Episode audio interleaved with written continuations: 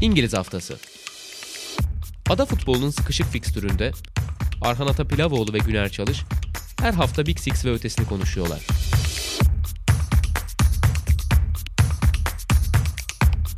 Statsbomb işbirliğiyle.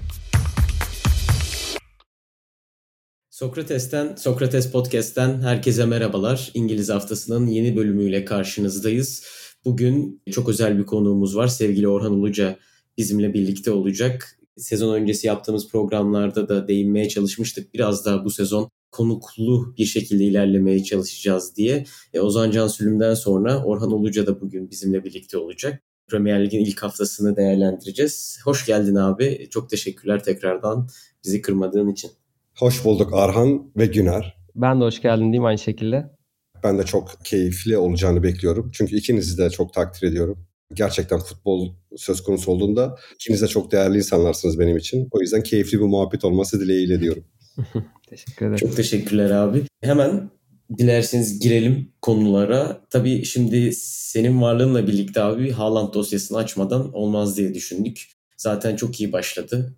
Yani Community Shield'da çok eleştiriler vardı. Biz hani programda da konuşuyorduk. İşte Emre abiyle gelen yolcuda da konuşmuştuk. Yani işte Nunez sezon öncesinde çok eleştiriliyordu. Community Shield'da çok iyi bir performans gösterdi. Eleştiriler gitti. E ben de şey diye düşünmüştüm. Şimdi West Ham'a da iki tane atacak Haaland. O zaman Haaland eleştirisi de bitecek diye. Zaten bu kadar elit golcülerin bir şekilde adaptasyonu sürüyor. Ama şöyle biraz bakmak gerekiyor sanki Haaland dosyasına. Manchester City yaklaşık bir buçuk senedir sahte 9 formasyonuyla oynuyordu. Bir net forvet yoktu. İlk olarak şunu sormak istiyorum abi sana.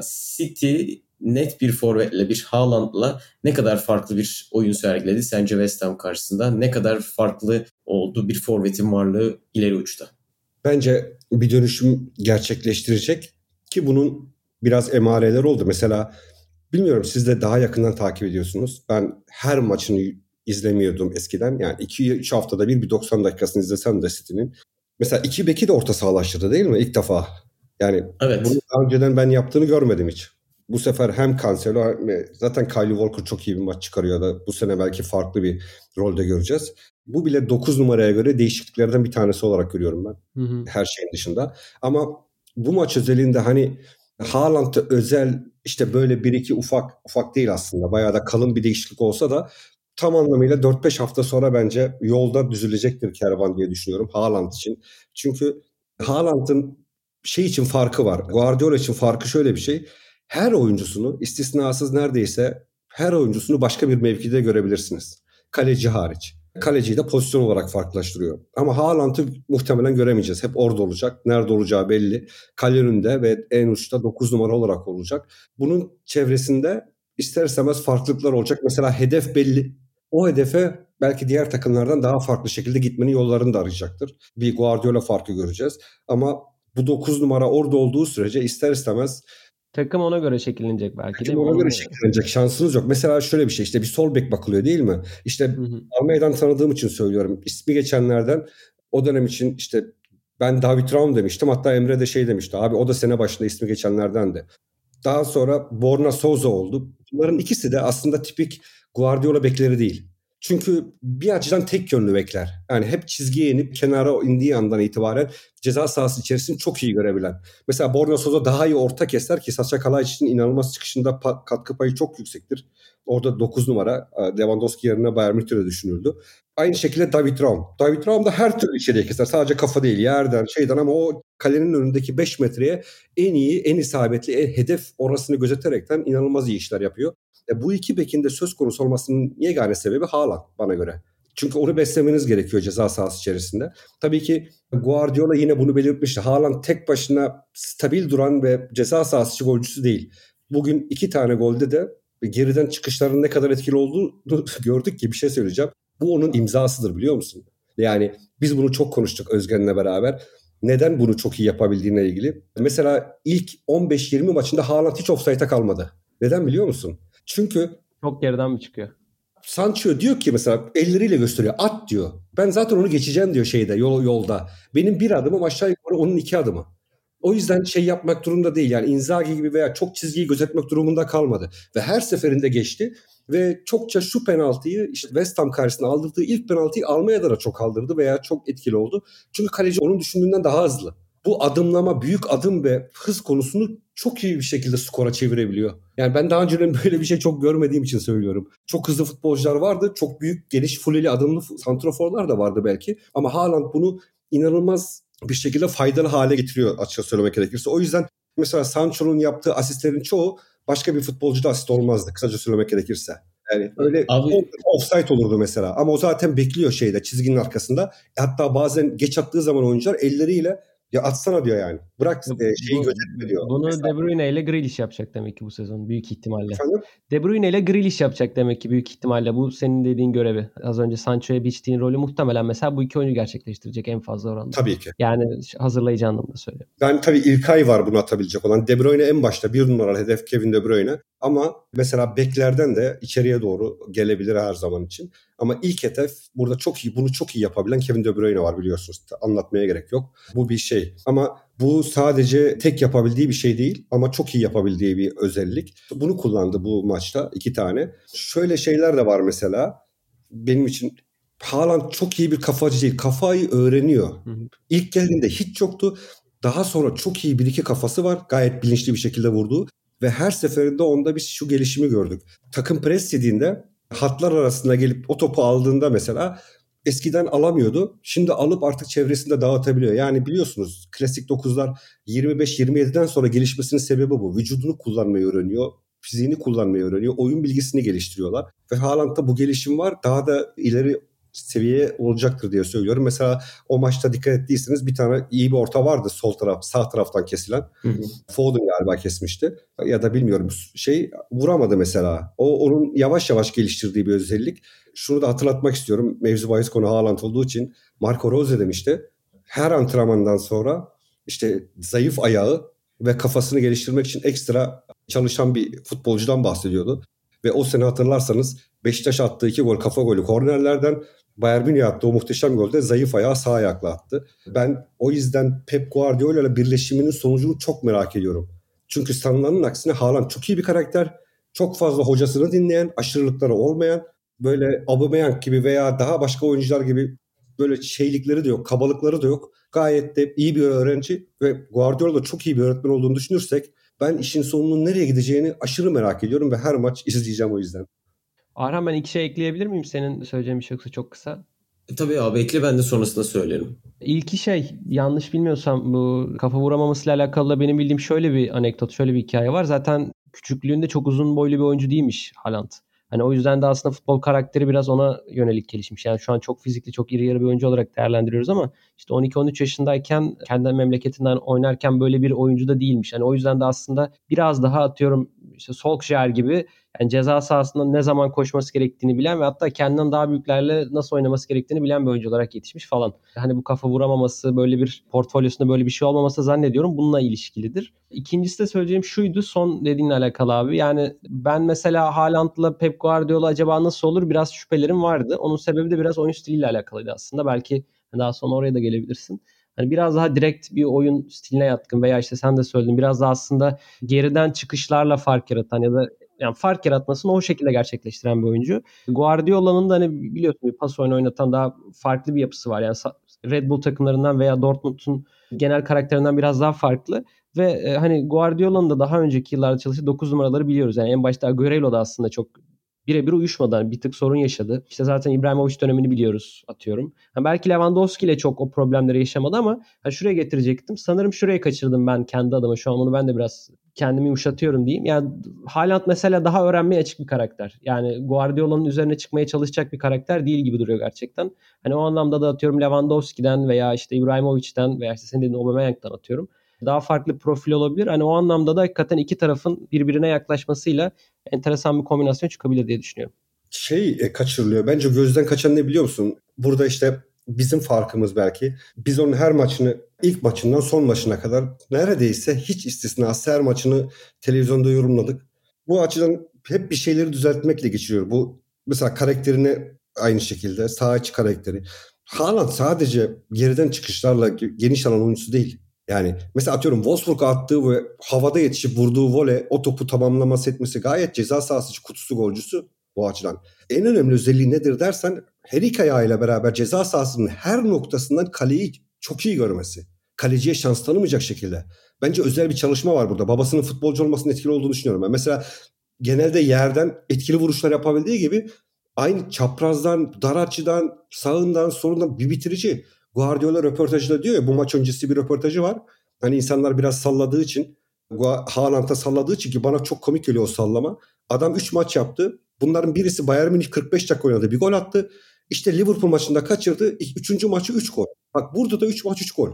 Ve rakiplere bakar mısın? Liverpool, Bayern Münih, West Ham. En, depla en sert deplasmanlardan birisi. Ya bu ayrı bir konu ama şunu kaçırıyorlar. Sadece o güzel goller o şekilde geldiği için Dortmund biraz öyle oynadığı için ama Lucien Favre ile beraber Dortmund %70 topa sahip olan bir takım. Asla ve asla ikili mücadelelerin olmadığı, genelde tiki takanın çok fazla olduğu ve tamamen sadece geçiş değil set hücumuyla oynanan bir oyundu. Fortuna Düsseldorf attığı kafa golü mesela sıradan bir kafa golü değil ki düşürmüştür Düsseldorf'u 90 artı 3'te. Şöyle demişti o röportajda. Çocukluğundan beri gol atan bir adamın siz hangi akla gol atamayacağını burada söylüyorsunuz dedi. Atacaktır ya ve Haaland'la ilgili konuşurken dikkatli olun çok yanılacaksınız dedi. Bu maç öncesindeki hatta Manchester City Türkiye hesabı da geçti bu röportajı. E, görmek dinlemek isteyenler için söylüyorum. Hı hı. Yani Haaland sadece işte geniş alanda şey olsun aksine az önce bahsettiğim sırtı dönük oyunu o zamanla öğrenilir. Her zaman için bu. Bütün santroforlarda böyledir. Ya bunu anlatmayacağım bir daha ama bunun çok güzel bir iyi bir analizi vardır. Kısa, hızlı, atik forvetlerle uzun boylu, sırtı dönük oyunu oynayan arasında derin bir fark vardır. Kimisinin en iyisi 17'sidir, diğerinin prime'ı 28'dir gibi. Hatta City'li bir scout şefi analist yapmıştı bunu analiz etmişti zamanında. Mesela yani şey, Wayne Rooney mesela atıyorum. Evet, ters, onlar ters, mesela ters, tersten örnek. 27'den sonra düşerler Götze tarzı oyuncular. Ama burası daha en iyi dönemini yaşamadı. Bu tarz oyuncular da İbrahimovic gibiler hep kenardadır 20'li yaşlarda. Lewandowski 10 numaraydı biliyorsun mesela şeyden önce. Barrios'un arkasında bir 10 numaraydı. Hı hı. E, hep oraya Modest'i bilmezsin. Ciro'yu bilmezsin 20 yaşında ne yapıyor. Şeyde istrese geçiyordu 50 bin oraya filan. Luca Toni 4. ligdeydi. Klose futbolda amatördü 22 yaşında başladı. Adam dünya futbol rekorunu kırdı. 22 yaş, 23'te de orta sahaydı bu arada. Kaz şeyde, Real'de. Yani o dönem gelecek zaten Haaland'a. O ayrı bir konu. Ama Haaland'da bu çok erken başladı zaten. Gelişim de oraya doğru gidiyor. Paris Saint Germain Dortmund maçı vardı mesela. Bütün presten çıkaran Haaland'dı. Üstelik yanın sağındaki solundakiler yıka yıka. Sırtı dönük aldı, etti, korudu, sonra pası verdi ki solak bir futbolcu olduğunu ben bu yüzden Guardiola birleşmesini isterim hep. Solak ve pasör derine top atabilen oyuncu olduğunu unutmamak gerekir. Sadece golleri değil. Gayet de iyi pasördür bu arada. Yani o öne çıkan işte o Gladbach'ta kendi ceza sahasından koşup bütün herkesi geçip attığı öbür ceza sahasındaki goller bir süre sonra bitecek bunlar. Bunlar gençlikle ilgili bir durum. O cüsseyle 30 yaşında o sprint atamazsın mesela. Diyorsun ki o giriş kısmıydı. Şu an gelişme sonucu göreceğiz daha. Tabii ki. Tabii ki. Bütün Romanın başındayız. Aklınıza gelecek olan bütün bana klasik 9 söyleyin. 20 yaşında ne yapmış? 19 yaşında. Hı hı. Genelde pek çoğu da bak İbrahimovic mesela kenar forvetti biliyorsunuz. Ajax'ta da Malmö'de de. Hı hı. Milli takımda bile 10 numara oynadı çok uzun süre. Yani o süreç 25'ten sonradır. Hani şey bana garip gelmiyor. Vedat Muriç 20 yaşında beğenilmedi. Gresin Spor. Zaten hep söyle. Yani dünyanın en iyilerinden bahsediyorum. Bakın rekor kırmış Kroze'lerden falan bahsediyorum. Adam tribündeydi 22 yaşında daha. Futbol şey e, profesyonel. Harry Kane, Harry Kane bile diyebilirsin belki. Yani, yani Harry Kane çok başka. Ama Harry Kane rahatlıkla bir orta sahada oynayabilecek. Her şey olabilen o çok üst düzey bir santrofor. Ama şey var seni anlıyorum çünkü herkes böyle düşünüyor. Ama Haaland aslında biraz da tabii ki Salzburg, Dortmund aynı oyun stilinden de kaynaklanıyor. Kesinlikle haklısın. Oradan da kaynaklanıyor ama ben dar alanda da iş yapabileceğini bitiriyorum. Çünkü bitirici vuruşu var. Topun üçüncü bir istasyona ihtiyacın yok. Geldi mi vursun diyor ya Guardiola. O geldiğinde ne yapacağını biliyor. Önemli olan kısım bizim ona getirmemiz.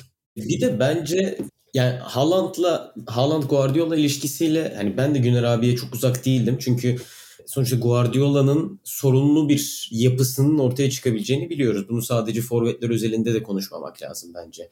Mesela bugün Bernardo Silva belki Barcelona'ya gideceğim diyor. İşte Sterling yıllardır bu şekilde gündemdeydi.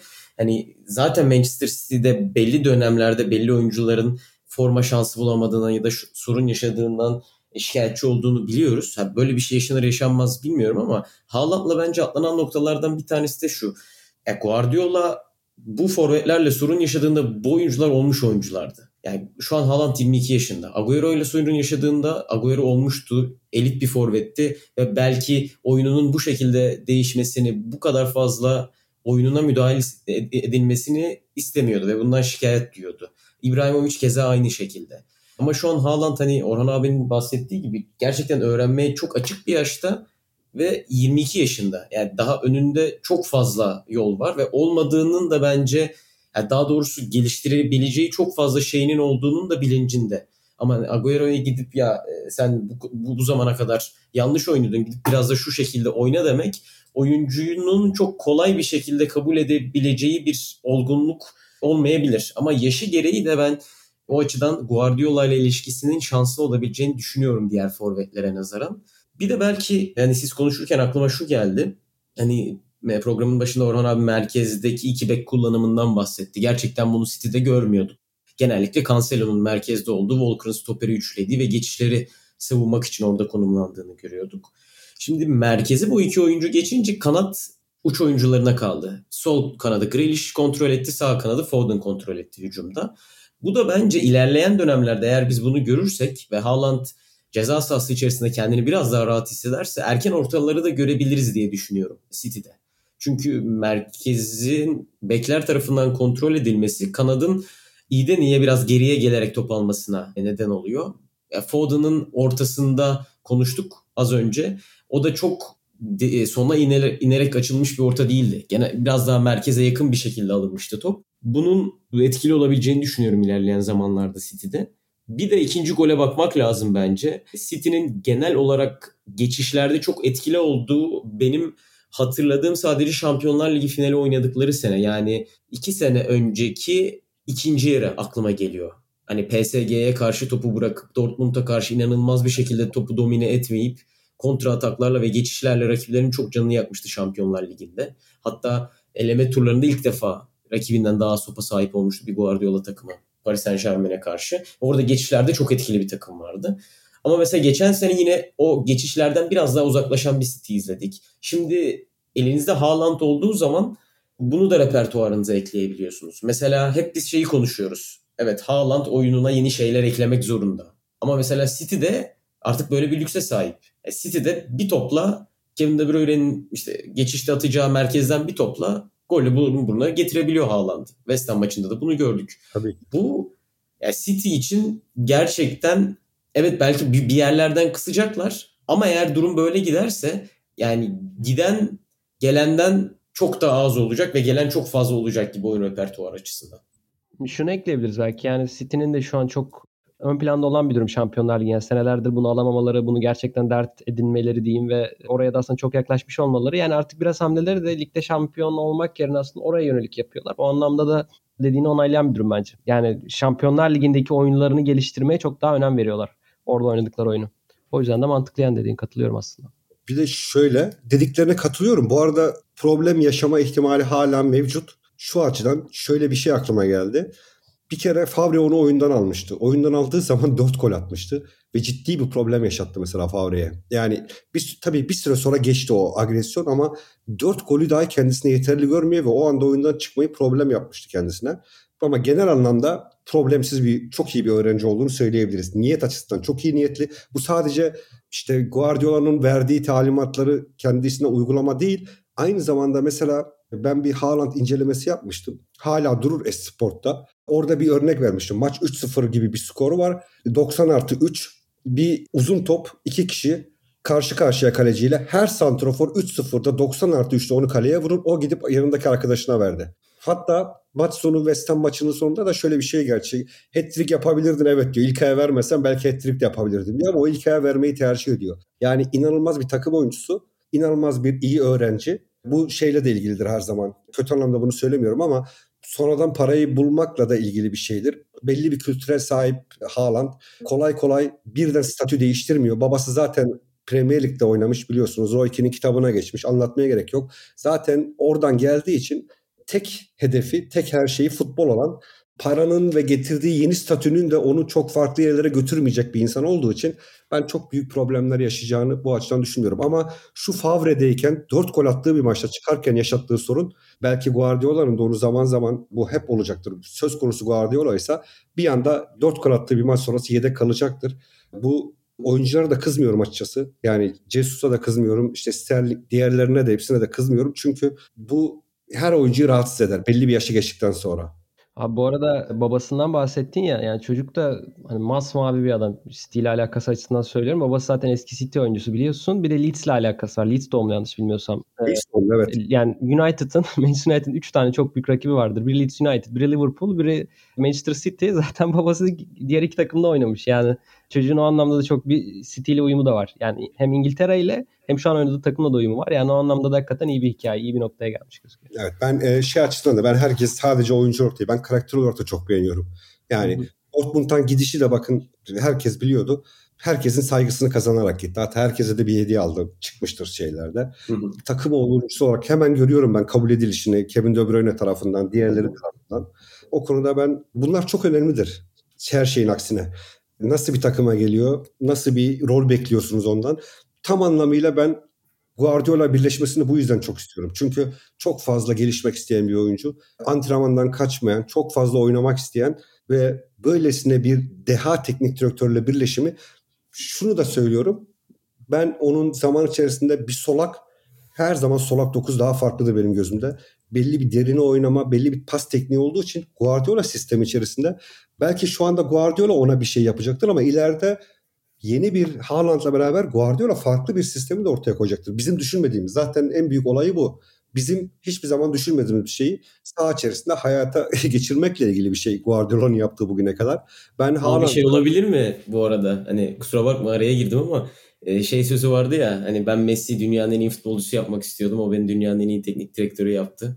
E, zaten muhtemelen şu an güncel olarak o sözün değişmesi mümkün değil ama hani Haaland'ı hep biz Guardiola çok farklı bir şey yapacak diye konuşuyoruz ama belki Haaland da Guardiola'yı çok farklı bir noktaya taşıyabilir diyorsun yani. Bence de. Ya öyle bir seçenek çünkü öyle bir güç.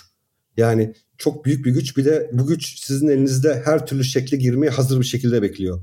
Yani bu da çok önemli başka bir genç oyuncu aklıma getirmeye çalışıyorum. O kadar kolay değil. Her şeyi kabul etmesi, uyum sağlaması, her şeyin dışında antrenmanı sevmesi, çalışmayı sevmesi, gelişime odaklı olması. Ben farklı seçenekler olacağını düşünüyorum ama bu yıl özelinde konuşursak en uçta olacaktır ve Guardiola ona göre setler çizecektir yavaş yavaş. Ona göre şimdiden başladı zaten farklılaşma. Bekler orta saha ikisi birden geldi. Bir merk çünkü her iki kenarda ona. Aynı zamanda şunu da unutmayalım. Mesela Haaland çizgiden sadece ortalara kafa vurup hani klasik o açıdan 9 değil zaten. Haaland'ın çok iyi bir bitirici vuruşu var. Yani o yüzden çok az gol kaçırıyordu mesela. İlk özellikle ilk döneminde ilk 30 ilk dönemden kastım ilk 50 maç. Hiç offside'a kalmıyordu.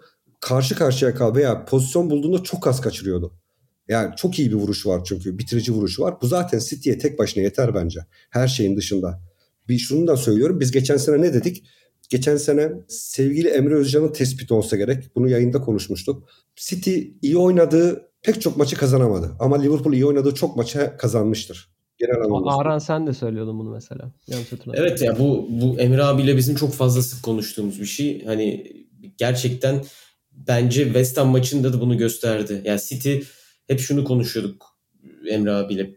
İlk yarıda 60-70'te bir maç tıkandıysa o maç City'nin lehine dönmüyor. Ya da kötü oynayarak kazandığı ben bir tane Arsenal maçı söyleyebilirim. Değil mi? Ve ins- insanların da çok fazla eklem yapacak, yapabileceğini düşünmüyorum. Ama Liverpool'un hani winner diyebiliriz buna mantalite olarak bir şeyler ekleyebiliriz. O kesin. Hayır, bence bu doğal bu şey bak bir çok kısa kestim ama bu, bunu şansla ben açıklamıyorum aslında. O ezelden beridir böyle. 2010'da kaybettiği Inter maçının da büyük bir kısmını City'ye oynamıştır. Tur eşleşmeyi kaybettiği. Ya da iyi oynadığı zaman sonuç alamamıştır. Çünkü klasik 9 kullanmıyorsun ve haliyle sen diğerlerinden her zaman bir orta saha daha fazla kullanıyorsun. Sana daha iyi oyunu getiriyor, daha iyi opsiyonu getiriyor ama tipik bitirici kullanmadığın zaman da pozisyonu gole çevirme oranı her zaman düşecektir. Bu işin matematik. Ben, ben, de onu diyecektim. Hatta bunu yine sanırım Arhan'la konuştuk bu podcast'te de. Yani Haaland transferini çok kısaca ben şöyle açıklamıştım. City muhtemelen daha iyi bir oyundan daha yani daha iyi dediğim Guardiola'nın ideali olan oyuna daha yakın bir oyun oynuyordu sahte 9'la beraber. Şimdi o oyundan biraz uzaklaşacak ama maçları daha kolay kazanabilir hale gelecek büyük ihtimalle. Bu da olabilir tabii ve dediğim gibi bence bu oyun stili de atıyorum Şampiyonlar Ligi'nin ilerleme açısından çok daha önemli olabilir City açısından. Bu West Ham maçı da buna bir örnek değil mi? Mesela çok iyi oyun, çok pozisyon yaratma konusunda sıkıntı çekti. Başka pozisyon hatırlıyor musunuz? Ya mesela ilk yarıda penaltı olana kadar tamamen çok yavaş akan bir oyun vardı. Ama Haaland bir koşu attı ve gol geldi. Yani bunu çok fazla göremiyordum. Muhtemelen orada olacak kişi işte Foden olacaktı. Sırtı dönük topu alıp geri verecekti. Top yeniden oyuna akacaktı. O, o topsuz koşu mükemmel yapıyor. Şu olabilir bu arada madem o zaman şunu da söyleyeyim. Hani dediniz ya Haaland Guardiola'yı değiştirebilir diye. Yani Guardiola aslında oyunu evet çok kusursuz kurgulamak isteyen ve hani aslında golü de bir noktada onun o kusursuz oyunun sonucu olarak gören biri. Yani ulaşılması gereken son nokta gibi değil de hani iyi oynayayım gol gelir gibi bakan biri belki de. Belki de Haaland'ın gelişi o anlamda Guardiola'da da çok temel bir kırılma acaba yaratabilir mi diye bir açık uçlu bir soru bırakıyorum. Yani o kadar da iyi oynamadan da kazanmak onun uykularını kaçırmayacak hale gelirse belki olay farklı yerlere gidebilir gerçekten. Ve yani Haaland'ı da o zaman bir kırılma noktası olarak görebiliriz. Yani bilmiyorum Bence... anlatabildim mi? Evet şöyle bir şey var. Doğru ama çift yönlü bakıyorum ben. Bir kere iyi oynadığında yani rakibi yıktığında, ona topu vermediğinde, dolaştırdığında her zaman gördüğümüz Guardiola'nın oyunu olduğunda Haaland sana burada sonuç verecektir. Ama diğerinden farkı sen kendi sahandayken hatta zaman zaman rakibi savunmak zorunda kaldığında bu kez Haaland sana bambaşka bir sonuç verecektir. Eskiden böyle bir gücü yoktu. Tamam tabii ki geçişle iyi. Özellikle Arhan söyledi orada çok haklıydı. İlk defa ben hayatımda ilk defa bak çok maçını izlemişimdir. Yani kariyerinin büyük bir kısmını izleyen bir insan olarak söylüyorum Guardiola'nın. Paris Saint Germain eşleşmesinde olduğu kadar topun arkasına geçip presle öne çıktığı, yerleşimle öne çıktığı bir maç hatırlamıyorum. Belki kısa toptan uzun topa geçtiğini hatırlıyorum Dortmund maçında. Hı, Ama mesela bir Paris Saint Germain eşleşmesindeki bir oyunu ben hiç hatırlamıyorum. Kariyerinde. Şöyle diyeyim ama abi ben son birkaç senedir özellikle gözlemlediğim Şampiyonlar Ligi'nde zaten bu oyuna evriliyorlar. Yani savunma biçimleri bile değişiyor. İki tane dörtlü blok kuruyor ve onda bence oyun oynamasındaki en önemli faktörlerden biri bence Bernardo Silva. Hani ikiliyi orta saha kurma açısından söylüyorum. Bernardo Rodri yapıyor ve oyunu biraz daha kenarlardan hızlandırmaya çalışıyor. Merkezden oynamak yerine kenarlardan oyunu öne taşıyıp hani olabildiğince merkezde top tutmama ve hani orada top kaybetmemeye çalışma oyununu ben birkaç sezondur gözlemliyorum ki işte finale çıktıkları sezon zaten onun zirvesiydi. Onun üzerine koymak istiyor olabilirler. Oradan ilerliyorlar diye düşünüyorum ben. Hani o anlamda da öyle. E, Güner o maçta saat topu rakibe bıraktı resmen ya. Yani şeyi ben hatırlıyor musun sen o kadar çok topun arkasında kalıp atak yani işte bir geçiş hücumu gerçekleştirip top Paris Saint Germain'de kalıyordu daha çok. 11 kişi kendi yarı sahasındaydı neredeyse. Ama işte ikili eşleşmelerin olayı da bence biraz abi zaten bu. Yani Tottenham'ın da mesela finale çıktığı sezonu hatırlayın. Yani orada Pochettino ama çok... Bunu yapabilir ama. Guardiola bunu yaptı mı daha önceden? Tabii Böyle tabii ya, yapmadı. Az önce baz, az önce bahsettiğim kırılma da zaten onunla alakalı. Yani Haaland'ın oyunu ve City'nin gittiği yol belki de o anlamda atıyorum 2010'ların başındaki Guardiola'dan daha farklı bir Guardiola da ortaya çıkarabilir 2020'lerde. Yani daha az obsesif, kazanmayı tekrar biraz daha ön plana koyan, yani her zaman ön planda tabii de hani oyun stilinden ziyade biraz gerekliliklerin Guardiola'yı değiştirdiği bir durumda söz konusu olabilir belki. Belki de doğru. Biz merakla bekliyoruz neler olacağını bu arada. Konuşmak da güzel. Bilmiyoruz çünkü Guardiola nasıl bir şey yapacak. E siz konuşurken aklıma şey geldi. E, Nur Bilge Ceylan'ın bu 2000'ler başıyla kendi filmlerini eleştirdiği bir nokta var. E, şöyle bir cümle kullanıyor. Ya ben belli obsesyonlarım gereği işte giderek daha çok inandırıcılıktan yana kullandım seçimlerimi diyor. Yani hani e, filmi seyrederken biçimsel hatalardan ziyade bu inandırıcılığı daha kolay affedebildiğimi fark ettim diyor. Bu yüzden de hani karakterlerin psikolojik tutarlığı veya doğruluğu daha önemli galiba benim için. Hani bu biçimsel şeylerden ziyade diye. Ben Guardiola'yı da biraz buraya benzetiyorum. Hani biçimsel olarak zaman zaman kusurlu ya da sıkıntılı maçlar görse de hani o karakterin inandırıcılığını skor olarak nitelendirebiliriz. Bir şeyleri kazanmak için ufak ufak bir şeylerden evet. feragat edecek gibi. Onu çalışıyorum ben. Yani inandığı bir doğru vardı ama baktı ki bu tutmuyor ve o tutmadığı zaman da ondan ya ona göre kendini şekillendirebilecek biri bence de. Mesela geçmişten benim de çok yakın takip ettiğim bir örnek olarak Wenger'i söyleyeyim. Bence Wenger tam olarak böyle değildi. Yani Wenger kazanamama uğruna mesela kendi doğrularından vazgeçmeyecek bir insandı bana göre. Guardiola her ne kadar stili üzerinden yorumlasak ve övsek de bence her zaman e, açıkçası kazanmayı bir numaraya koyan bir insan olduğunu düşünüyorum ben de. Bir şey daha söyleyerek kapatalım isterseniz. Bak şöyle bir şey. Guardiola ilk defa da geçmiyor bu arada. Yani mesela hiç unutmuyorum 5 birlik bak gelir gelmez Almanya Klopp'a çarpıldı Dortmund'a. Çünkü önde sürekli topla çıkmayan bir takım için Klopp'un Dortmund'u inanılmaz bir silahtı. Yani her türlü tam istediği bir silahtı ve her seferinde oraya çarpıldı. En son Boateng'le ve hatta Martinez'le geriye çıkıp 45 metre diagonalları kullandı. İlk defa kullandı ve bunu Premier Lig'de de tekrardan baş gerçekleştirdi Klopp'a karşı ve Premier Lig'deki şeyi de bizim yaptığımız programlara almıştım ben onların demecini. Artık ön alanda çıkıp Klopp'un presini yakalamak onlar zaten bunun için yaşıyor. Niye bunu yapayım ki onlara dedi. Ee, çok daha topa sahip olmalarında Liverpool'dan düşük olup kazandığı maç vardı. Daha doğrusu ilk başta berabere bitti. İki maçta böyle gerçekleşmişti. Bu geç mesela o şeyi kırdı. Kısa pası kısa pası kırıp uzun pas kullandı. Zaman zaman 9 numaraya yani Klopp eğer Guardiola iki kere kaybederse kesinlikle bir kırılma yaşanır. Çünkü kazanmak her şeye rağmen onun için ön planda bana göre. Ki yani ben abi mesela dedim ya kenarlardan hızlandırıyor oyunu Şampiyonlar Ligi'nde diye. Ben o kırılmanın da zaten Liverpool'a karşı kaybettiği maçlarla alakalı olduğunu düşünüyorum. Yani o gelişim biraz gözlemlediğimi inanıyorum, düşünüyorum ve o kırılma bence o maçlar neticesinde gerçekleşti. Yani evet. oralardan sonra yavaş yavaş oyunu kenarlara yıldı atıyorum. Bir de bir şey daha önemli. Ben burada bir tahminde de bulunacağım. Hadi sizin programda belki sene sonunda bir kere daha çıkarız böyle bir şeyi. Bunu hatırlatırsınız bana yanıldığımı veya şey yaptım. Ben City'nin bu sene Liverpool'dan ligde çok daha başarılı olacağına inanıyorum. Bunun da şöyle bir sebebi var. Guardiola yıllar önce verdiği röportajda şöyle bir şey söylemişti. Ben benim ben de buna çok katılıyorum kesinlikle. 3 yıl sonra ya beni değiştirin ya da takımın tamamını değiştirin. Bugün 2016 kadrosundan sadece Kevin De Bruyne kaldı. E, ve bir değişim gerçekleşiyor. Çünkü ben teknik direktörlük işi sadece saha içi matematik veya formül veya taktik teknik değil oyuncular olan ilişki de var ve bu ilişki tıpkı evliliklerde uzun ilişkilerde olduğu gibi bir süre sonra yıpranıyor, problem yaşanıyor veya heyecanını kaybediyor veya senin inandırıcılığın daha az oluyor, motivasyon gücün az oluyor, oyuncu karşısında çeşitli sorunlar yaşanıyor. Haaland her şeyden önce ben diğer Almanya'daki yıldızlarla da kıyaslarken söylerdim. Bir kere bir star ışığı var. Bir takımın böyle bir şeye ihtiyacı var. City, Bayern Münih, Real Madrid'in mesela daha fazla ihtiyacı var. O yüzden çok fazla Real Madrid oyuncusu gibi gelir bana hep Haaland daha ilk geldiği günden itibaren farklı bir ışığı oldu. Aurası farklı gerçekten. Aurası farklı yani av, bambaşka bir şey. İnanın Aurası var hatta yani hakikaten her oyuncuda yoktur o. Bir aura var. Yani bir Bence şey bu arada City'nin eksikliğini çektiği bir şeydi bu. Tabii yani ki. Bu tarz. Tabii. Yani mesela Kevin De Bruyne'ye bakıyorsun belki dünyanın en iyi orta sahası. O yok. Ama evet o yok yani. Onu izlediğinde o olmuyorsun. Hani şu anlamda söylüyorum. O, topu alışı vesaire tabii ki çok özel ama Haaland'da bahsettiğin böyle bir ışıltı var yani oyuncuda. United'da mesela o vardı. Senelerce işte sen de sezon öncesi programlarında konuştuk. City'den önce 20 sene bu ligi domine eden, hakikaten domine eden yani United vardı ve United'ın en önemli özelliklerinden biri de her döneminde ki Alex Ferguson gibi dominant bir karakter olmasına rağmen bir dominant oyuncu figürü bulundurmasıydı baktığında. Yani işte Cantona'lar, Ronaldo'lar, Beckham'lar her zaman bir dominant figür de vardı açıkçası. City'de belki o yoktu. O anlamda da yani hem Guardiola'ya sorun yaşamayacak hem de böyle bir karakterde biri olması da dediğiniz gibi öne çıkarabilir Haaland. Yani şey değişecektir çünkü şu kendini yenileme takım için taraftar. Mesela beni normal koşullar altında başka bir oyuncu olsa ben futbolu seven bir insanım ama kalkıp 90 dakika o maçı izlemem. Şimdi bak beni Türkiye'den oturtuyor o maçı o ekranın karşısına. Siz düşünün City Ben Grealish için öyleydi.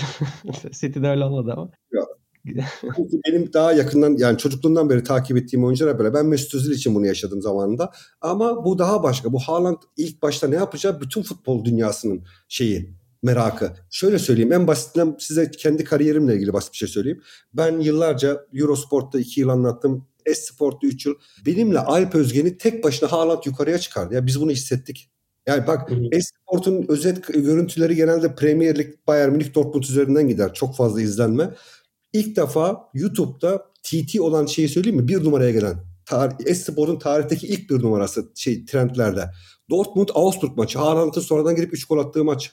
Ya böyle biz Premier Lig oynuyoruz. Düşünün yani City Liverpool her zaman daha fazla ligi çekiyor Bundesliga'ya göre veya maç özetlerinde. Ama ilk defa onun girip 5-3 yendiği maçı hatırlıyor musunuz bilmiyorum. Augsburg maçıydı ve o maç hı hı. YouTube TT'lerde bir numaraya geldi. Haaland böyle bir şey yani tek başına ligi bile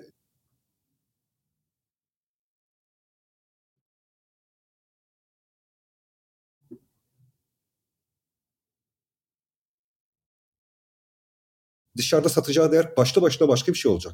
Bir ara La Liga içinde konuşulurdu ya sanırım Javier Tebas söylüyordu. E, başkanı... Şey düşünsene Güner Mbappe'nin gitmesine niye La Liga başkanı karşılık veriyor? Hı hı. Adam biliyor çünkü yani Real Madrid'in konusu değil mi bu? Ama Mbappe ile Paris Saint Germain problemi var. Paris Saint Germain'e saldıran La Liga'nın başkanı. Yok ben Messi Ronaldo için söyleyecektim mesela da o da dediğin gibi yani doğru aynı yere geliyor zaten. Hani on, o oyuncuların kaybının La Liga'ya yarattığı sıkıntı gibi dediğin doğru ama yani Mbappe'den şekilde değerlendirilebilir. takım için de geçerli, lig için geçerli ve böyle bir yıldız bence e, ben mesela Guardio'da sıkıntı görüyorum Liverpool'da. Yani bir sadece Diaz değişikliği bana çok şey geliyor. Ben mesela Fulham maçını ki keyifli bir maç 45 dakika izledim ama başka bir maçı beni tutamayabilir. Hı hı. İlk izleyeceğim.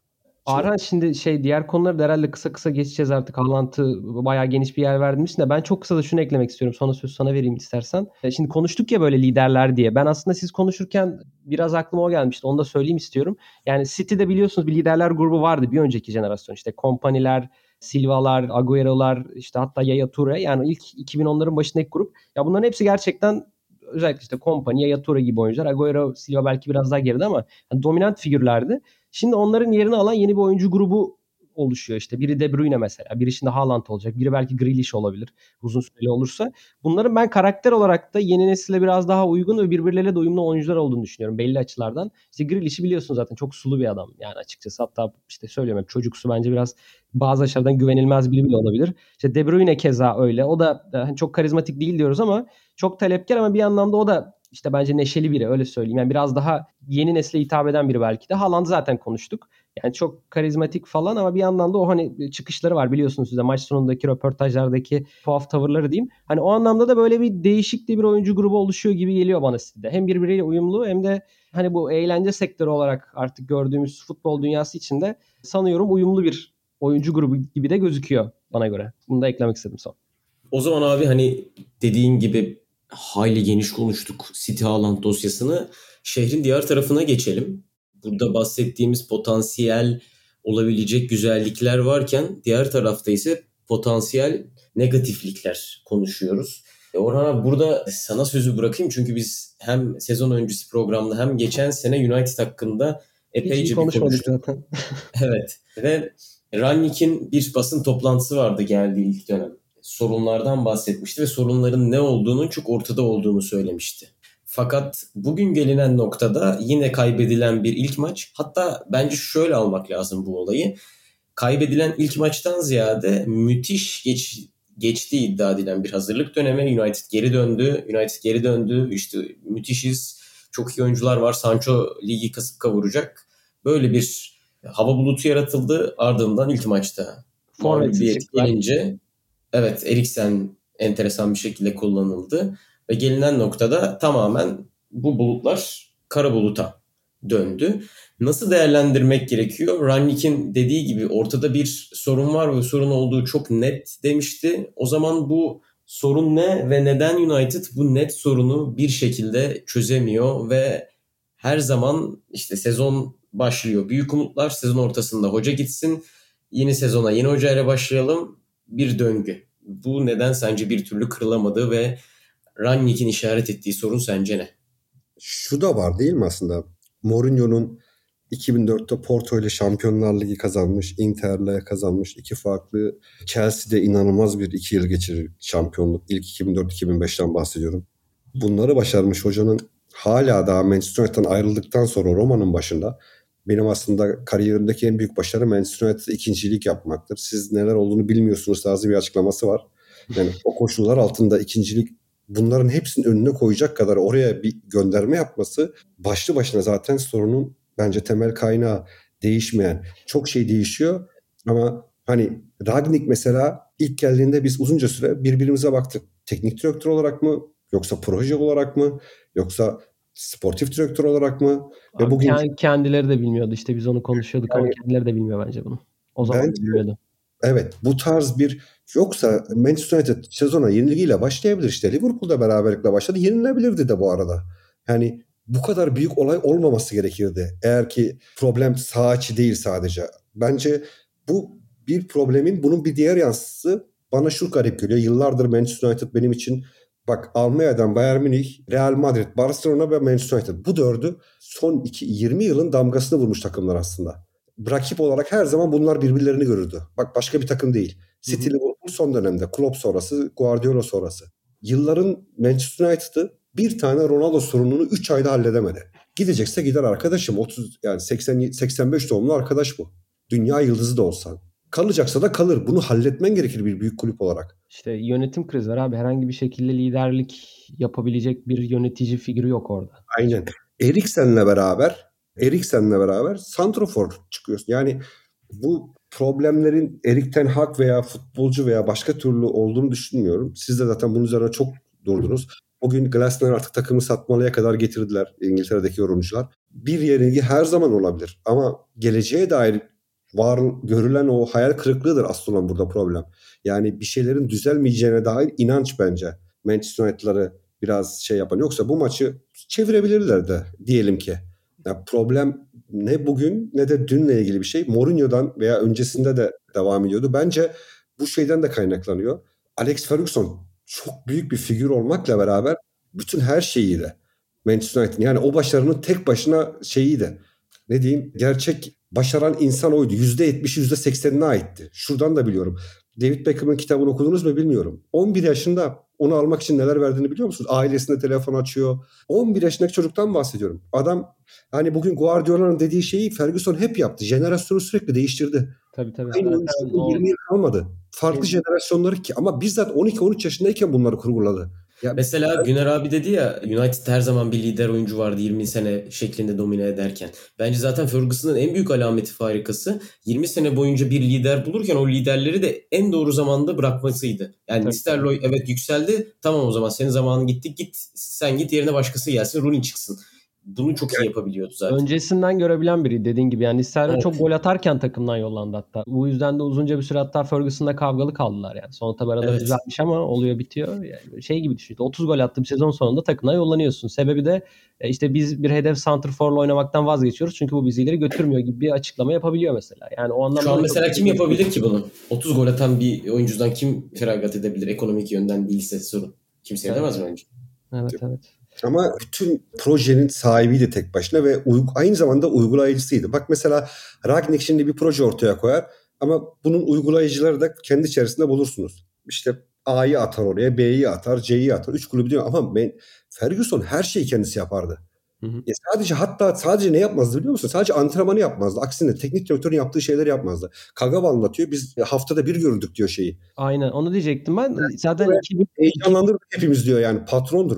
2000'lerde abi zaten şeyi salıyor. Yani antrenman olayını ilk işte şeyle başlayan hatta Steve McLaren'ı almıştı yanında bir dönem. Ondan sonra esas Queiroz geldi. Queiroz'dan sonra da hep böyle koçları, antrenör ekibi oldu. Ve aslında United'a yön veren de o ekip oldu. Bence mesela şu an aynısını Liverpool'da e, Pep Linders için de söyleyebiliriz. Hani çok uzun süre Klopp biliyorsun o bu başla çalıştı ve onunla gelen bir oyun stili de vardı. Sonra yardımcısını değiştirdi ve aslında o oyun stili de bir miktar değişmiş oldu. Yani şu an Klopp'ta bile bence bunu görüyoruz. Senin dediğin olay Ferguson'da çok çok daha net belliydi. Belli hakikaten taktiksel olarak bir şeyler ifade eden, teknik olarak çok başarılı insanları yanına alıp takım aslında onlara bırakıyordu. Yani kulübün başkanı gibi davranıyordu menajerinden de ziyade. Her şeyi yöneten adam oydu hakikaten. Evet başkanı gibi ve aslında bu da teknik direktörlük içeriğini de çok iyi belirleyen bir şey. Çok insanı görmek istemedi. Biz hepimiz burada sizle sabaha kadar bunları konuşsak hep saha içine dalacağız değil mi? Ama teknik işte Nagelsmann'ın daha genç yaşında söylediği bu işin %70'i sosyal kompeten yani ilişki iletişim becerisidir dediği şey burada da gerçekleşiyor. Herkes bir Eric Cantona hariç herkes korkardı. Yani her büyük bir patrondu şey. Hı hı. Nedir o? Cantona'yı da bu arada Ferguson istedi. O da mesela şöyle yani çok uzun yıllar şimdi tam yılını yanlış söylemeyeyim ama 10 senenin üzerinde şampiyon olamadığı bir dönem var United'ın. Hani Galatasaray'ın da bir dönem vardır ya uzun süre şampiyon olamadı. O ya, tarih...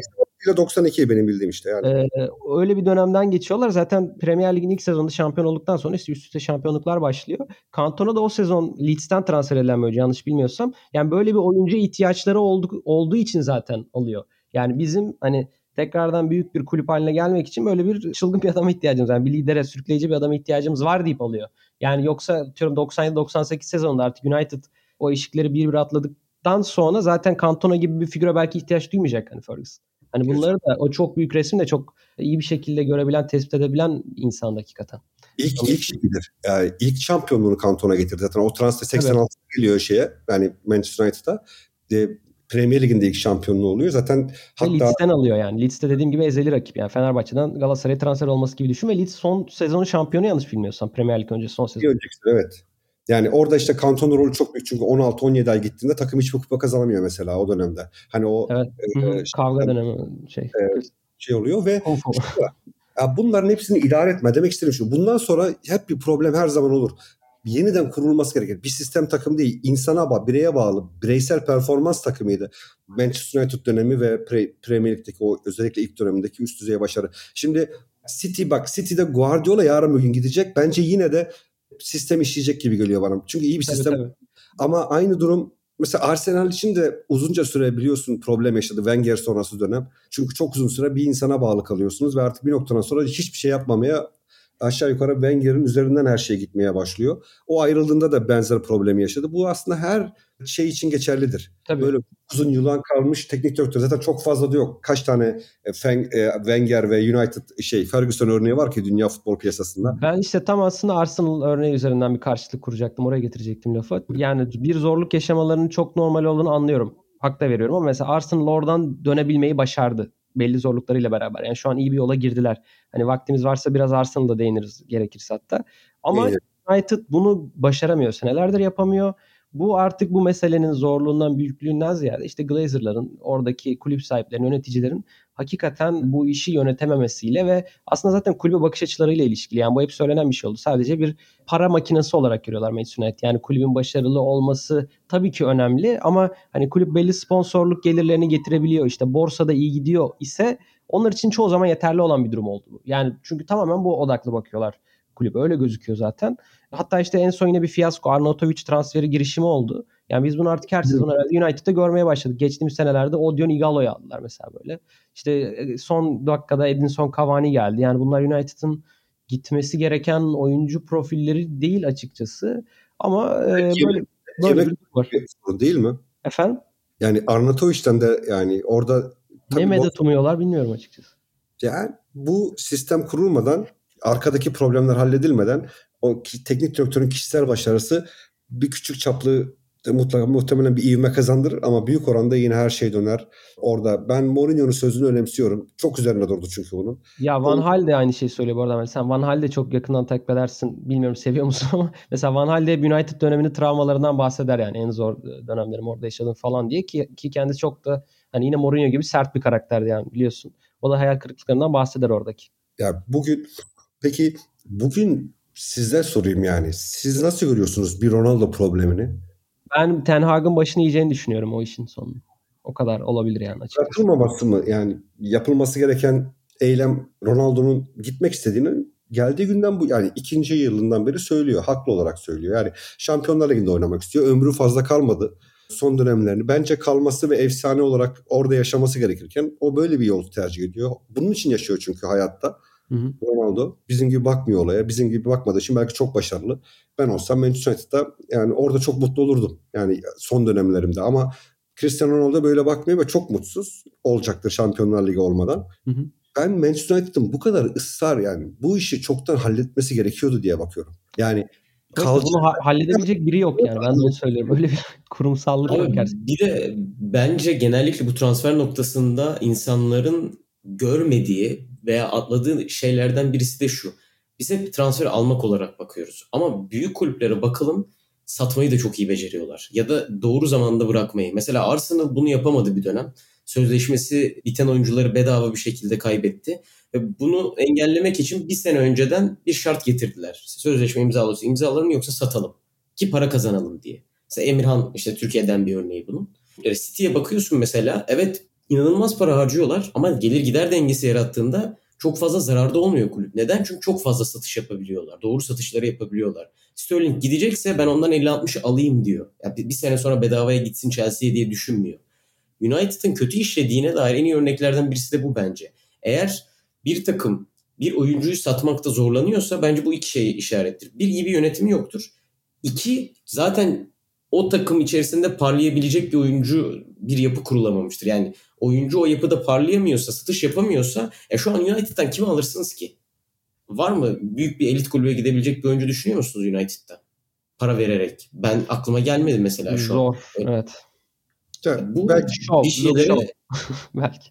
Ya bir şey ama on, onunla ilgili Arhan bir şey söyleyeyim mi? Bak oyuncu değerlendirme konusunda sıklıkla şöyle bir şey çok önemli oyunun oyuncuyu büyütmesi de çok ciddi bir şeydir. Yani mesela sen şimdi iki yıl geriye dönsen Sancho'yu yüzden aşağı alamazsın Dortmund'dan. Şu anda 20'ye satarsın belki. Ama şu anda mesela çok başka bir şey de alırsın. Yani bu United iyi oynamadığı sürece hiçbir oyuncu zaten A sınıf gözükmeyecek gibi duruyor. Ama evet. dediğine katılıyorum. Neden katılıyorum biliyor musun? Almanya'da çok ünlü bir sportif direktör daha vardı. Bayern Münih için de ismi çok geçti. Gladbach'ın teknik sportif direktörü 25 yıl sonra falan Gladbach'ı bırakmak durumunda kaldı. Kendisi ayrıldı zaten çok başarılıydı. Yıprandım diye değil mi? Başarısızlığına dair en güzel örnek ne biliyor musun? Ginter'in, Zakarya'nın yani bunların az 40-50 milyon oyunu edecek oyuncuların hepsinin bedavaya gitmesi. Zaten başarısızlık buradan da görünüyor. Yani bu ve benzeri bir iki oyuncu daha var böyle. Sözleşme bir yıl önce uzatılmadı. Bir şekilde başarılamadı ve en nihayetinde kulübün neredeyse 100 milyona yakın bir kaybı oldu buradan. Ya geçen sene satardın ya da bu sene sözleşme yenilerdin gibi. Bunlar 25-30 yıllık bu işi yapmış bir sportif direktörü daha görevinden edebilecek kadar büyük hatalar aslında. İşte Arsenal'de zamanında o Flamini ile başladı hatırlıyorum Milan'a gitmişti. Benzeri birkaç üst üste örnek. Şeyde de United'da da transfer kalmaları yani gönderememeleri ayrı bir konu. Keza karar verememeleri bence ciddi bir sorun. Ve bugün sen lige santroforuna bak. Başladığın lige. Ve bu bana göre nereden bakarsam bak oyuncular da bu içteki karışıklığın farkında olaraktan çok oyuncunun da ben gelmediğini biliyorum. De Jong başta olmak üzere ya da çok zorladığını gelmemek için. Ee, Şampiyonlar çok... Ligi'de olmadığı için o da etki ediyor büyük ihtimalle. Şampiyonlar Ligi faktörü de var ya. Yani mesela De Jong için o konuşuluyordu. Şunu bilseler sadece bu yıl değil bir yıldan o kadar genç oyuncu ilk yıla bakmaz. Ama şunu da biliyor seneye de olmayacak diyor yüksek ihtimal. Yani City, City Liverpool'un iki tane bileti neredeyse garantilediği noktada Arsenal'in Tottenham'ın çok ciddi çıkış yaptığı yerde bir sürprizin de her zaman geleceği yerde Manchester United'ın bu sene gidemeyeceğini de düşünüyor Şampiyonlar Ligi'ne. Hı hı. Bu da ne demektir? Hı. İki yıl Şampiyonlar Ligi yok. Niye transfer olayım? Kendi adım abi şöyle kapatayım mesela Ronaldo e, niye başını yer Ten Hag'ın öyle bir laf söyledim ya o da şu yüzden bence yani Glazer'ların açıkçası bana göre bakış açısı rating odaklı ve hani şu andaki bu kriz ratingleri arttıran değil düşüren bir mevzu özellikle antrenör özelinde. Yani Ten Hag işte sert adamı oynuyor olabilir belki doğrusu da budur ama eğer sonuç da alamazsa atıyorum 3-4 hafta kötü sonuçlar gelirse ve bu kriz bir şekilde çözülemezse bu bir anlamda olumsuz bir durum doğuracaktır taraftar nezdinde kulübün imajı üzerinde ve bu da bence büyük bir sorun yaratacaktır. Yani çünkü dediğim gibi tamamen hani sosyal medyadaki işte ne bileyim ekonomik parametreler olabilir. Oradaki reytinglere bakıyorlar bana göre. Yani United yönetim için biraz böyle. Arnautovic transferinde bile işte gelen tepkilerden sonra çekildikleri falan söyleniyor. O yüzden de yani ben Ronaldo krizinin hakikaten basit gibi gözüküyor bize bir noktada. Yani senin de dediğin gibi kaç yaşında adam takıma katkısı tabii ki gol atıyor ama yine de hani tartışılır diyebileceğimiz bir oyuncu. Ama bir yandan da Ronaldo kulüp için de çok hani değerli bir figür. Hemen çat diye silemeyeceğim bir oyuncu. Yani orada başka bir yıldız oyuncu olsa atıyorum Şevşenko olsun. Şu an sallıyorum. Bundan 15 sene önce işte kulüple herhangi bir alakası olmayan Şevşenko Chelsea ilişkisi örnek veriyorum. Böyle bir oyuncu olsa çok problem olmayabilir Ronaldo gerçekten kulübün efsanesi olan bir oyuncu.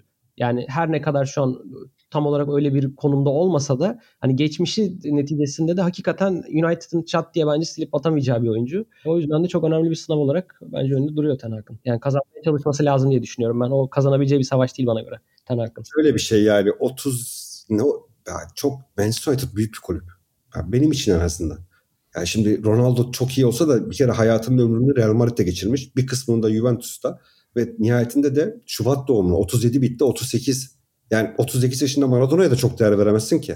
Yok katılıyorum ama, ama hani gerçeğini söylüyorum. Şu olarak değerlendirelim. Hani Ronaldo başka. Bir de şöyle bir şey var. Bence bu krizin bir sebebi de şu. Zaten her, hepsi birbirine bağlı oluyor ama şimdi senin te- teknik direktör olarak getirdiğin adam bir Bayern Münih altyapısında çalıştı. Değil mi? Bölgesel ligde takım yönetti. Arkasından Erdevize var. Ajax. Başka da Ajax gibi biliyorsun oradaki tıpkı Bayern Münih gibi eski futbolcuları Van der Sarlar hepsinin nasıl rol oynuyor? Yani nasıl bir yapılanma var, nasıl bir içerik var? İşi sadece teknik direktörlük yapmak. Oysa Manchester United gibi sportif açıdan, yönetim açısından bu kadar problemli bir takıma doğru bir örnek değil belki denendiği için söylüyorum ama Mourinho tarzı ya da Ancelotti tarzı patron bir teknik direktör gelmesi gerekiyordu. Bu koşullarda keşke daha başka olsa. Ben Erik Ten Hag'ı isteyenlerdenim bu arada. Çok başarılı buluyorum. Çok da iyi bir teknik direktör olduğunu düşünüyorum. Başarısız olsa bile değişmeyecek benim için bu. Ama bu tarz bir yapıya mesela Ronaldo sorununun bir müsebbibi de bu olacaktır. Sen Ancelotti'ye onu yapamazsın. Erik Ten Hag'a yap. Onu diyorum. Ya da Ancelotti onu başka türlü çözer zaten oraya. Çözer geldi. zaten ayrı bir konu. Çözer her türlü çözer. Ya göndererek çözer ya kalaraktan ama Erik Ten Hag'ın hayatında böyle bir tecrübesi yok ki. Evet. Yani onu diyorum. Onu diyorum ya bence o kazanabileceği bir savaş değil konumun neticesinde. De. Yani Erik Ten Hag hani üzülerek mi söylüyorum değil mi? Yani gerçeği söylüyorum. Bence Ronaldo'nun ciddiye alacağı bir hoca profil değil mesela. O Hatta bulduğu zaman biliyorsunuz değil mi? Gitmek istediğini söylemişti. Yani olmayacağına inandı. Yani bu tabii Erik Ten Hag mı bilmiyorum ama o dönem konuşulan, gelecek olan teknik direktörlerin ismini Ronaldo'nun bildiğini ve ciddi problem yarattığını söylemişlerdi. Ee, ne kadar doğru o isim acaba Erik Ten Hag mıydı dönemde onu bilmiyorum. O konu hakkında bir fikrim yok ama böyle bir haber çıkmıştı. Atletik'te galiba ya da bilmiyorum. Ronaldo'nun zaten çok az teknik direktöre daha doğrusu yani şöyle bu arada aslında yani o... da şey yapmayabilir. Öyle bir kariyer çok zor yönetilmesi oyuncular Pochettino'yu istiyormuş da yönetim de müthiş bir karar vererek hani oyuncuların istediği olmasın. Oyuncular çok güçlü zaten diyerek oyuncuların isteğinin aksine Ten getirmiş şeklinde bir haber vardı. Şeyde Atletik. Pochettino. Bakın şeyi de söyledim ben bu arada. Mesela sezon başındaki yayında söyledim. Bence Galtier çok başarılı olacak. Pochettino geldiğinde de başarısız olacağını söyledim. Bugün keza çok iyi başlayacak. Tudor da başarısız olacaktır. Dil çok önemlidir. Çok az vardır 5 büyüklükte tercüman kullanan. Hatırla seninle konuştuk bunu Güner. Southampton'da bile İngilizcesi düzeldiği zaman düzeldi şeyin başarısı. Kendini göstermeye başladı Pochettino. Yani Paris Saint Germain'de yapamayacağı belli. Tuhel gibi gidip Fransızca öğrenmiyor. Anlatabildim mi? Zaten İngilizceyi bile sorunlar önemli. Ama Manchester United'a gelsin bu Pochettino'nun değerinden bir şey eksiltmez. Bence Kesin. zaten yine oraya gelecekler abi ya. Bu böyle bir şey teknik direktör. Bugün ben Paris Saint Germain yönetiminde olsam derim ki gönderelim Galtier'i getirelim. Kesinlikle başarılı olacak Galtier bak. İsmimi şey gibi biliyorum. Ama de ki bana ben Manchester United'ın başındasın asla Galtier gibi bir adam olmam direkt Pochettino'ya getiririm. Bu evet. Zaten insanlar şöyle bir araştırma yapsa 5 büyüklükte kaç tane sen gördün mü tercüman? Ben hep diyorum bak Bundesliga'da en son 2009 Steve McLaren geldi İngiltere milli takımından. Bir de Hollanda deneyimi vardı galiba. 6 ayda kovuldu. Sonu bu. Bundan sonra hiçbir teknik direktör şey kullanmadı, tercüman kullanmadı. İngiltere'de en son hatırladığım benim Mazzari vardı Watford döneminde. O da komik şey, komik şey. var bir de. Efendim? Bielsa vardı bir de. Ha doğru doğru tabii doğru. Ve ben de Bielsa diyorum ki her zaman potansiyelin %30'unu %40'ını burası yakıyor. Hı hı. Yani Bielsa normal koşullarda tamam şampiyon olamaz belki ama baş altı takımı oynayabilir. Leicester City gibi şey gibi. Ama bunu yapamıyor mesela ya da potansiyelini ben yüzde yüz sildiğine inanmıyorum ama bir yüzde otuz yüzde yirmi işi siliyor. Şöyle bir örnek de vereyim. Mesela George Jesus yerine İsmail Kartal olsa Arda Güler diye bir kriz olmaz. Bu kadar olmaz. Onu oynatacağını bilir. Kötü oynar hop bunu silerim. Çünkü havayı solur, her şeyin farkında olur, yerel basın okur, bilmem neyi olur falan filan. Basit bir şey gibi geliyor sana ama senin kelleni götürecek en sonunda bak. Basit bir kriz. Bu Tabii. krizleri yönetebilmek için o ülkenin kültürünü, içerideki havayı soluyabilmen gerekir. Bazen hamlelerini tamamen buna göre yaparsın. Yani yönetimle de taraftarla da basınla da arayı bir tutarsın tek bir hamleyle. Mesela Jurgen Klopp'un en büyük gücü budur. İnanılmaz iyidir yani. Seni tamamen seni esir alır. O yüzden adam şey diyor zaten. Real Madrid'den teklif geldi. İspanyolca bilmiyorum ki diyor. Nasıl gideyim? Aynı şeyi de Simeone de söyler genelde. Hani İngilizce bilmediği için çalışamayacağını falan. Yanlış hatırlamıyorsam. Onun için Krizler öyle yönetilemez yani. Bu krizler yönetilemez bu tür şeyde. Tek başına yeterli bir şey değil ama şey koşul gibi geliyor bana. Ben Pochettino gelse sanıldığı kadar kötü olmayacağını düşünüyorum. Bu tarz bir krizi başka Yok bence Pochettino zaten artık son nokta. Yani Pochettino da olmazsa bence kulübü kapatsınlar gerçekten. Çünkü ya ben uyduğunu da düşünüyorum. Bir de başka kimse de kalmıyor hakikaten galiba. Zaten o biliyorsun değil mi? O şeyden beri hedefiydi Pochettino'da bu arada. Ama ben Erik Ten Hag'ın çok iyi teknik direktör olur. Belki bu krizden de çıkarsa bununla büyüyeceğinde bu da bir şey yatırım ihtimal. Bence travma yaşayacak Emery gibi son devam edecek kariyerini diyorum ben de. Yani travma derken Arsenal açısından söylemiştim onu Emery'den.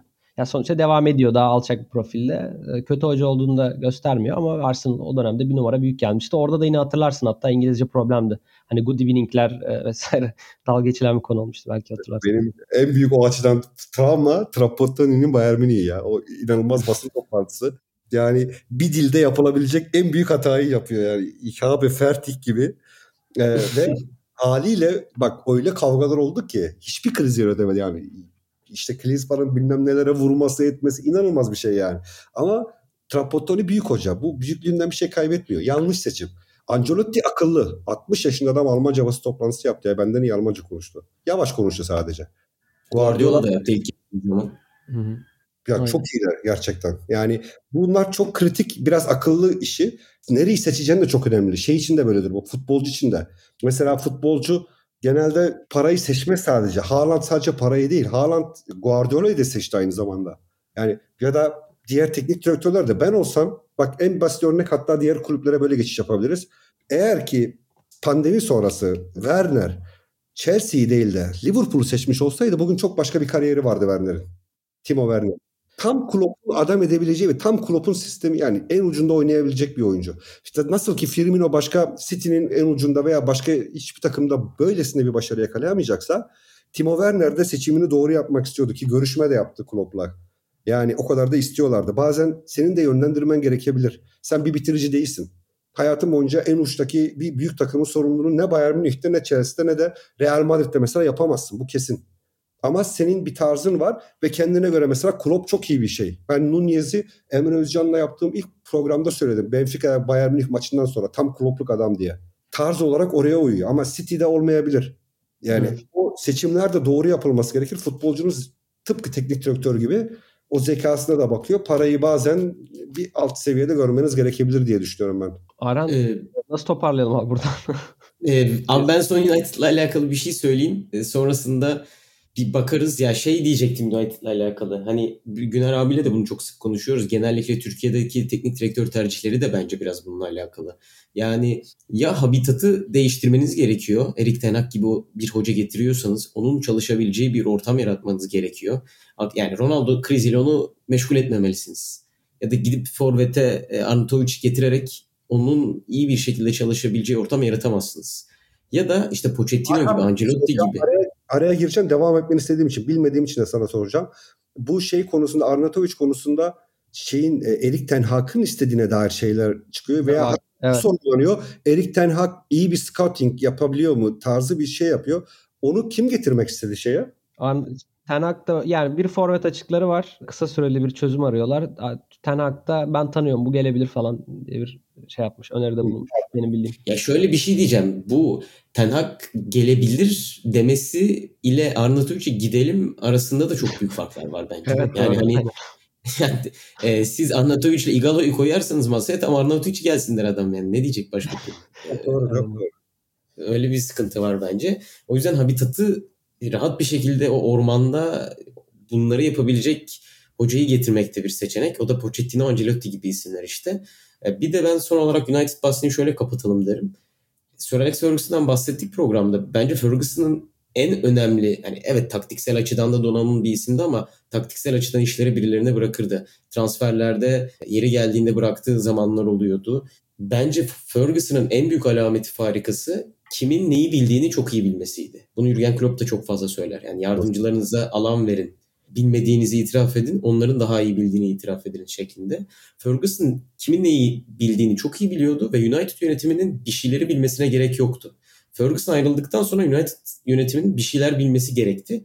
Bilecek kişiyi bulamadılar bir türlü. Ya ben Rannik bugünden bakınca Rannik tercihini biraz şöyle görüyorum. Hani kitabı almış, kitabı hiç okumamış ama kitap hakkında yorum yapıyor. Hani bu kitabı aldım hissiyatını onu oku yani aldığı an okuduğunu sanıyor. Öyle bir hayal dünyası. Rannik'i getirdiğinde evet biz de işte City ve Liverpool gibi davranacağız. Yapı kuracağız. Rannik de bu yapıyı kurabilecek yeni isimlerden birisi gibi getirip ne olduğu belirsiz bir şekilde yollandı. Danışman mı kaldı, hoca mı oldu, futbol direktörü mü oldu belli değil. Ama onlar Rannik'i getirmeden de duramıyor şu an. Hani anlatabildim mi? Tenag'ın gelmesini istiyorlar çünkü o yola gireceklerini sanıyorlar ama Ten Hag'ın çalışabileceği bir ortam sunmuyorlar ona. Bu bence yapılabilecek en büyük hata, en büyük sıkıntı. Yani Ten Hag'ın nereye gideceğini de bilmiyorum ama Ten Hag'dan sonra mesela ama, Ten Hag'dan sonra Arhan yani Efendim, Ten geleceğini nasıl görüyorsunuz yani ikiniz de? Yani bu ben, görmez almaz mi? diyorum. Sezon gelecek sezonu görmez diyorum ben. Görmez diyorsun. Ya bu şekilde devam ederse bana da öyle geliyor. Çünkü sadece bir Brighton mağlubiyetinden sonra görülen tablo inanılmaz. Ya sorun şu bence zaten. United yönetimi Ten Hag'dan sonra muhtemelen Pochettino'ya gidecek. Pochettino'ya gittikten sonra Pochettino ile sorun yaşasın ya da o da olmasın yine Ten Hag gibi birine gidecek. Ya o zaman sizin bir yol haritanızın bir futbol aklınızın olmadığı bu da bir gösterge. Elmaya gideyim, elmayı beğenmedim Armut'a gideyim. Ya deneye deneye deneye deneye United yönetilecekse e zaten öyle yapıyorlar ama. Zaten öyle yapıyorlar 10 senedir. İşte çok büyük sıkıntı bence bu.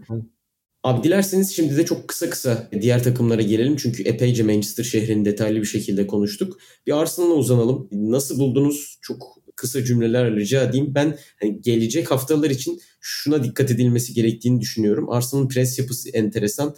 E, Zinchenko'nun tamamen en uca kadar gittiğini görüyoruz. Orada enteresan bir şeyler çıkabilir ve toplu oyunda da yine oyun kurulumunda Arteta güzel şeyler sunuyor. Uzaktan bakınca hani United adına ne kadar kötü şeyler söylediysek Arsenal adına da umutlu şeyler söyleyebiliriz gibi geliyor bana.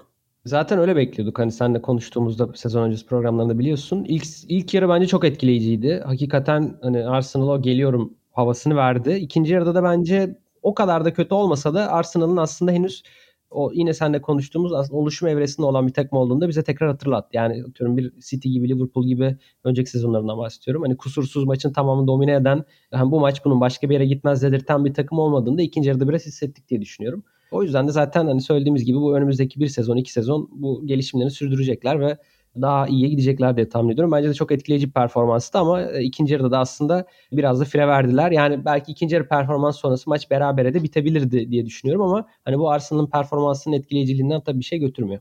Öyle söyleyeyim. Benim Gabriel Jesus'la ilgili bir istatistik görmüştüm.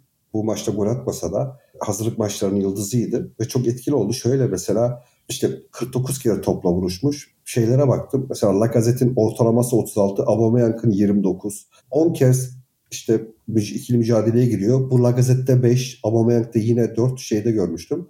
Ve tabii ki 6 dribbling yaptı. Biliyorsun hem Lacazette hem Aubameyang'da bu hiç yoktu sezon, geçen sezon boyunca. Fark yaratacağını düşünüyorum bu açıdan. Yani bir Santrofor'un merkezinde alabilecek şekilde oyunu önde oynamayı bence bu sene başaracak gibi duruyor.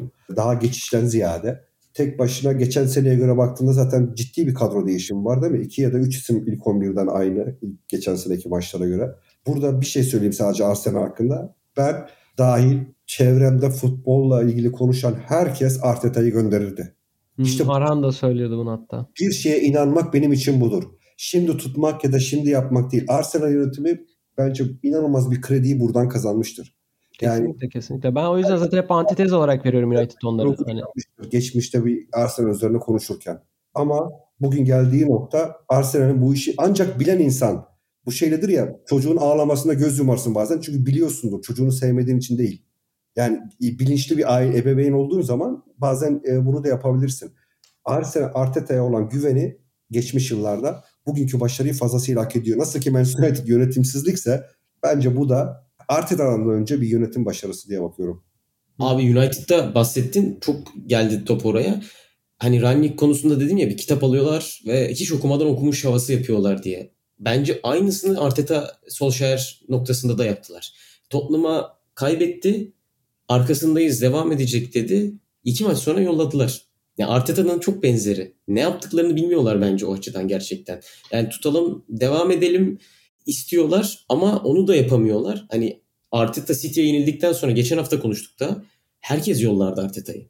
Ama demek ki bir şey gördüler ve projeyi devam ettirebileceğine inandılar. United'da o yok. Açık değil bile. Çok uzun süre kötü gitti Arteta. Yani ki Arsenal yönetimi de bu arada sorumludur yani çok uzun süre Glazer'lar kadar olmasa da Kroenke'ler de çok çok eleştirildi. Onlar da Amerikalı sahip. O anlamda da bir hakkını verelim yani. Onlar da çok evet. bu anlamda karnesi iyi olan bir yönetim değil de açıkçası. Hatta Hayır ama Arteta sonuçta bir şey değil mi? Bir gösterge değil midir? Yok yok katılıyorum. Yani o anlamda da bence olumlu bir gelişme var. Orada da sanıyorum oğul Kroenke'nin işleri devralışı baba Kroenke'den ziyade biraz onun öne çıkışı sanıyorum etkili oldu ki Fulham'da da benzer bir durum var. Fulham'da da baba Kan'dan Sa Oğulkan mesela devreye girdi. Orada biraz sanki toparlıyorlar gibi. Kısa yani olarak bir şey söylüyorum. Bir şey değişmiş demek ki yani. Evet evet yok katılıyorum. O yüzden dedim. Yani ben de o bir payı veriyorum cidden. Şöyle yapalım isterseniz. Ben çok kısa kısa haftanın notları gibi o zaman söyleyeyim. Hani siz de isterseniz oralarda aralara girebilirsiniz. Yani Liverpool'dan bahsedemedik. Fulham açıkçası beni bayağı etkiledi ve Liverpool'dan da beklemediğim kadar kötü performanstı ki Klopp da takımını eleştirdi bu anlamda. Hani istediğimiz seviyede değildik gibisinden. Fulham'ı belki önümüzdeki programlarda daha uzun uzun konuşabiliriz. Ben takdir ettim. Özellikle o temaslı rakibi boğan fiziksel bir yapısı vardı Fulham'ın. Ha bu tabi biraz biraz Marco Silva takımlarında gördüğümüz bir oyun daha önceki yıllardan da ama e, bunu bu şekilde iyi icra edip ilk haftasında Liverpool'dan puan almaları iyi bir şey hakikaten. Ne düşüneceksin? Marco Silva hep iyi girer sezona biliyorsun. Tabii tabii tabii. O yüzden ben biraz şüpheliyim zaten. Yani şeyde de böyleydi. Hull City ile küme düştüğü sezon. Gerçi orada zaten sezon ortası geldi de. Hani Watford'da da böyleydi. Everton'da da böyleydi. Hep bir yarım kalan böyle sanki yarım sezonluk hoca gibi bir görüntüsü var. E, Fulham zaten son yılların biliyorsunuz asansör takımı. Hani o yüzden de biraz tabii tedbirli olmakta fayda var ama çok iyi bir maç çıkardılar. Onu söyleyeyim. E, onun dışında Aston Villa dediğim gibi fiyasko performans ortaya koydu bence. Onu biz zaten biraz fazlaca konuşuyoruz. Benim ilgimden dolayı onu sonraki haftalara atayım ama gerçekten hayal kırıklığı öyle söyleyebilirim. E, Gerrard'ın tekrar transferi işaret etmesi de bence hayal kırıklığı. E, onun dışında işte Arhan'a da attım. Yine bence değişik çıkışlar yapıyor. İşte Tyron Minks mesela geçen sezonun kaptanıydı. Bu hafta ilk 11'de değildi ve Gerard şöyle bir şey söyledi. Yani genel durumu iyi değil. Onun gözümün içine bakıp hazır olduğunu söylemesini istiyorum falan gibi açıklama yaptı. Böyle hani diyorum Arhan'la da konuşuyoruz. Böyle sert değişik çıkışları olabiliyor mesela. Aston Villa'da böyle durumlar var ama takım üçlü savunan Bournemouth karşısında hemen hemen hiçbir şey üretemedi ki yani geçtiğimiz sezondan sonra artık bir şeylerin biraz daha oturmuş olmasını bekliyorduk en azından. Çünkü Gerrard'ın oyun sistemi çok net. E, bunu oyuncular da söylüyor. Belli bir kimliğe kavuştu gibisinden. Ama toplu oyunda gerçekten çok başarısız bir takım. Bu da beni biraz telaşa sürüklüyor diyeyim. Çünkü hakikaten hiçbir gelişim yok hala 6 aydır. Enteresan. Onu belki daha sonra tekrar değiniriz. Onun dışında da Cody'nin bir transfer oldu. O benim dikkatimi çekti. Onu söyleyip kapatayım kendi adıma. Ben kaçırmışım belki de bilmiyorum. Hani Wolves'tan biz sezon öncesi programlarında hani yine üçlü oynayacaklar gibi falan konuşmuştuk ama üçlü oynamayacakları için zaten kaptan Cody'yi Everton'a kiraladılar. Ve bu sezon dörtlü oynayacaklarmış. Orada da bir sistem değişikliği var ki yani senelerdir üçlü oynayan bir takım artık Wolves. O anlamda bence enteresan. Everton'ın da Cody transferi tersine onların bu sezonun çok büyük bir kısmını üçlü oynamak e, isteyerek geçireceğini gösteriyor. E, kendi adıma böyle kapatayım. Her takıma kısa kısa değinmeye çalıştım böylece. Önümüzdeki haftalarda daha geniş değiniriz diye umuyorum. Abi senin de ekleyeceğin bir şey yoksa dilersen programı kapatalım. Normalden çok daha uzun bir bölüm oldu. Çok uzun oldu. Çok konuştuk. Ee, umarım dinleyenleri sıkmamışız diyorum. Çok teşekkürler ikinize de bu arada. Biz teşekkür ederiz. Biz çok teşekkür ederiz. Çok keyifliydi gerçekten. Bir 6 ay sonra isterseniz bir daha yaparız ve olan biteni bu sene biraz daha ben yakından takip edeceğim. Ne dedik ne oldu diye. ne dedik ne oldu ya? Belki o zaman çok daha tatlı olur. Burada sezon başı konuştuk bunları. Ee, dinle, dinleyen herkese çok teşekkür ediyorum. Siz ikinize de her zaman çok değer veriyorum zaten. Bence çok daha Arhan çok genç ama Güner'in de mesleğinden dolayı biraz bu işe uzak. Umarım ilerleyen zamanlara tekrardan bir araya geliriz. Her zaman Güner'le biz çok iyi işler, yani çok keyifli muhabbetler döndü. Arhan çok sağ olasın her şey için. Ee, sizi biraz Teşekkürler abi. Konuk olmamın şeyini kullandım ama bir dahakine bir dahakine Liverpool konuştururuz sana. tamam. Çok teşekkürler. Dinleyen herkese çok teşekkürler. Kendinize iyi bakın. Görüşmek üzere.